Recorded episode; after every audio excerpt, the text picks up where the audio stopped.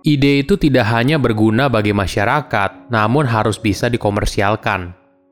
Halo semuanya, nama saya Michael. Selamat datang di channel saya, Sikutu Buku. Kali ini saya akan membahas kisah dari Nikola Tesla. Banyak orang mungkin hanya tahu nama belakangnya karena Elon Musk menggunakan nama Tesla sebagai salah satu nama perusahaannya. Tapi apakah kamu tahu kalau Nikola Tesla merupakan ilmuwan jenius yang sering kali dilupakan sejarahnya karena dia meninggal dalam kondisi hutang yang menumpuk. Sebelum kita mulai, buat kalian yang mau support channel ini agar terus berkarya, caranya gampang banget. Kalian cukup klik subscribe dan nyalakan loncengnya. Dukungan kalian membantu banget supaya kita bisa rutin posting dan bersama-sama belajar di channel ini. Nikola lahir pada tahun 1856 di Kroasia. Ayahnya merupakan pastor dan penulis serta penyair yang berbakat. Sedangkan ibunya merupakan seorang wanita yang multitalenta dengan banyak bakat yang menciptakan alat yang membantu pekerjaan rumah dan di sawah. Salah satunya adalah mesin pengocok telur. Insting penemuan Nikola banyak dipengaruhi oleh ibunya. Sejak kecil, Nikola sudah menunjukkan bakatnya yang unik untuk anak seusianya. Dia bisa menghafal seluruh buku dan menyimpan tabel logaritma di otaknya. Bukan hanya itu, Nikola juga dengan mudah belajar bahasa asing baru dan kalau dia sudah terobsesi pada satu hal, dia bisa bekerja siang dan malam dengan hanya sedikit waktu tidur. Nikola kecil juga sudah punya mimpi dan ambisi yang besar. Setelah melihat foto dari air terjun Niagara di Amerika Serikat, dia bilang ke pamannya kalau suatu hari Nikola akan memasang sebuah roda besar di bawah air terjun Niagara dan kemudian memanfaatkan energinya. Puluhan tahun kemudian, mimpi tersebut diwujudkan olehnya. Nikola memulai pendidikannya di rumah dan kemudian mengikuti kegiatan belajar di gimnasium di Karlsbad, Kroasia. Tanda awal kejeniusannya, dia mampu melakukan perhitungan kalkulus integral di dalam pikirannya, hingga membuat gurunya curiga kalau Nikola curang.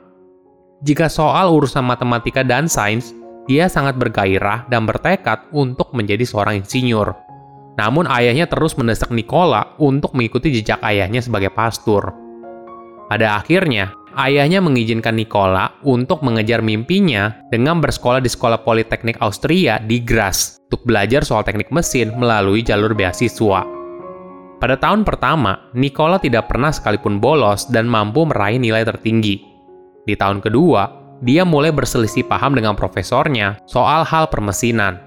Hingga akhirnya, dia kehilangan beasiswanya di akhir tahun kedua dan malah menghabiskan waktu dengan berjudi. Mendekati akhir tahun ketiga, Nicola sudah tidak lagi mengikuti perkuliahan dan drop out di tahun berikutnya. Ini merupakan salah satu momen depresi beratnya dan bukan yang terakhir. Nicola kemudian mendaftar di Universitas Praha, di mana dia meningkatkan pengetahuannya tentang mekanika gelombang dan secara tidak langsung terkait arus listrik Aceh saat bekerja dengan Profesor Ernst Mach. Setelah dari universitas pada tahun 1881, Nicola mendapatkan pekerjaan sebagai tukang reparasi saluran telepon. Tentu saja, dia sering mengotak-atik peralatan dan membuat pengeras suara yang mengulangi dan meningkatkan sinyal transmisi.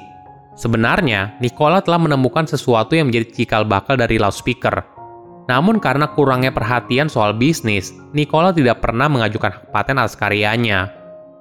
Pada tahun 1884, Nikola pergi ke Amerika Serikat dan tiba di New York dengan uang 4 sen dan sebuah surat rekomendasi dari mantan bosnya untuk bekerja di perusahaan Thomas Alva Edison.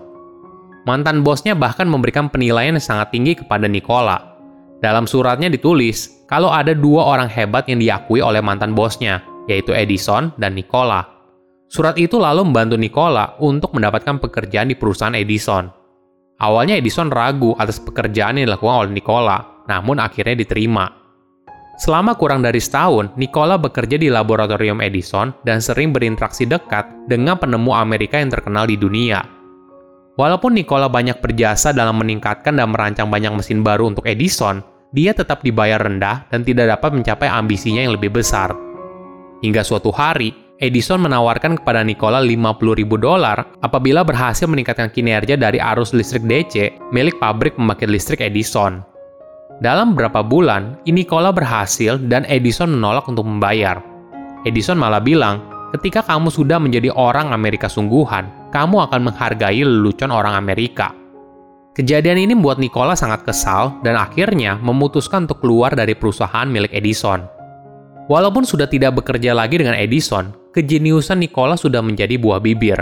Dia pun mendapatkan investor yaitu George Westinghouse. Ketika Edison membanggakan soal arus listrik DC-nya, Nikola punya pendapat berbeda, yaitu arus listrik AC. Jadi, Edison mengembangkan direct current atau dikenal dengan arus listrik DC yang bergerak satu arah dan ini merupakan standar listrik pada masa itu. Namun ada masalah utama, yaitu arus listrik DC tidak mudah diubah ke tekanan listrik yang lebih tinggi atau rendah. Nikola lalu memperkenalkan alternating current atau dikenal dengan nama arus listrik AC.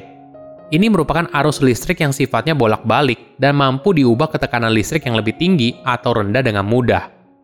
Walaupun hubungan Edison dan Tesla sering dipersepsikan sebagai dua pihak yang bermusuhan, tapi sebenarnya hubungan mereka adalah love and hate relationship. Ketika laboratorium Nikola terbakar, Edison meminjamkan lab untuk Nikola. Sebaliknya, saat sebuah konferensi di mana Nikola menjadi pembicara, ternyata ada Edison di dalam kerumunan. Nikola lalu menyebut nama Edison di depan panggung dan para penonton memberikan tepuk tangan kepada Edison.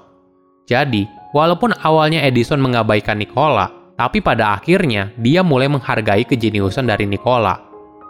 Ada fakta menarik soal Nikola. Dia adalah orang yang jenius dan Nikola bahkan pernah bilang kalau dia bisa mempercepat 90% kerja keras Edison dengan teori dan kalkulasinya.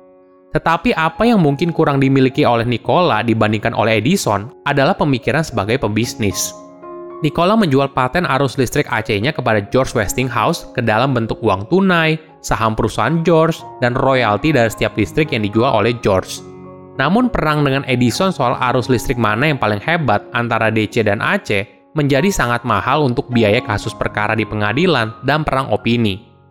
Kondisi ini membuat para investor dari George meminta dia memujuk Nikola agar rela melepas hak royaltinya.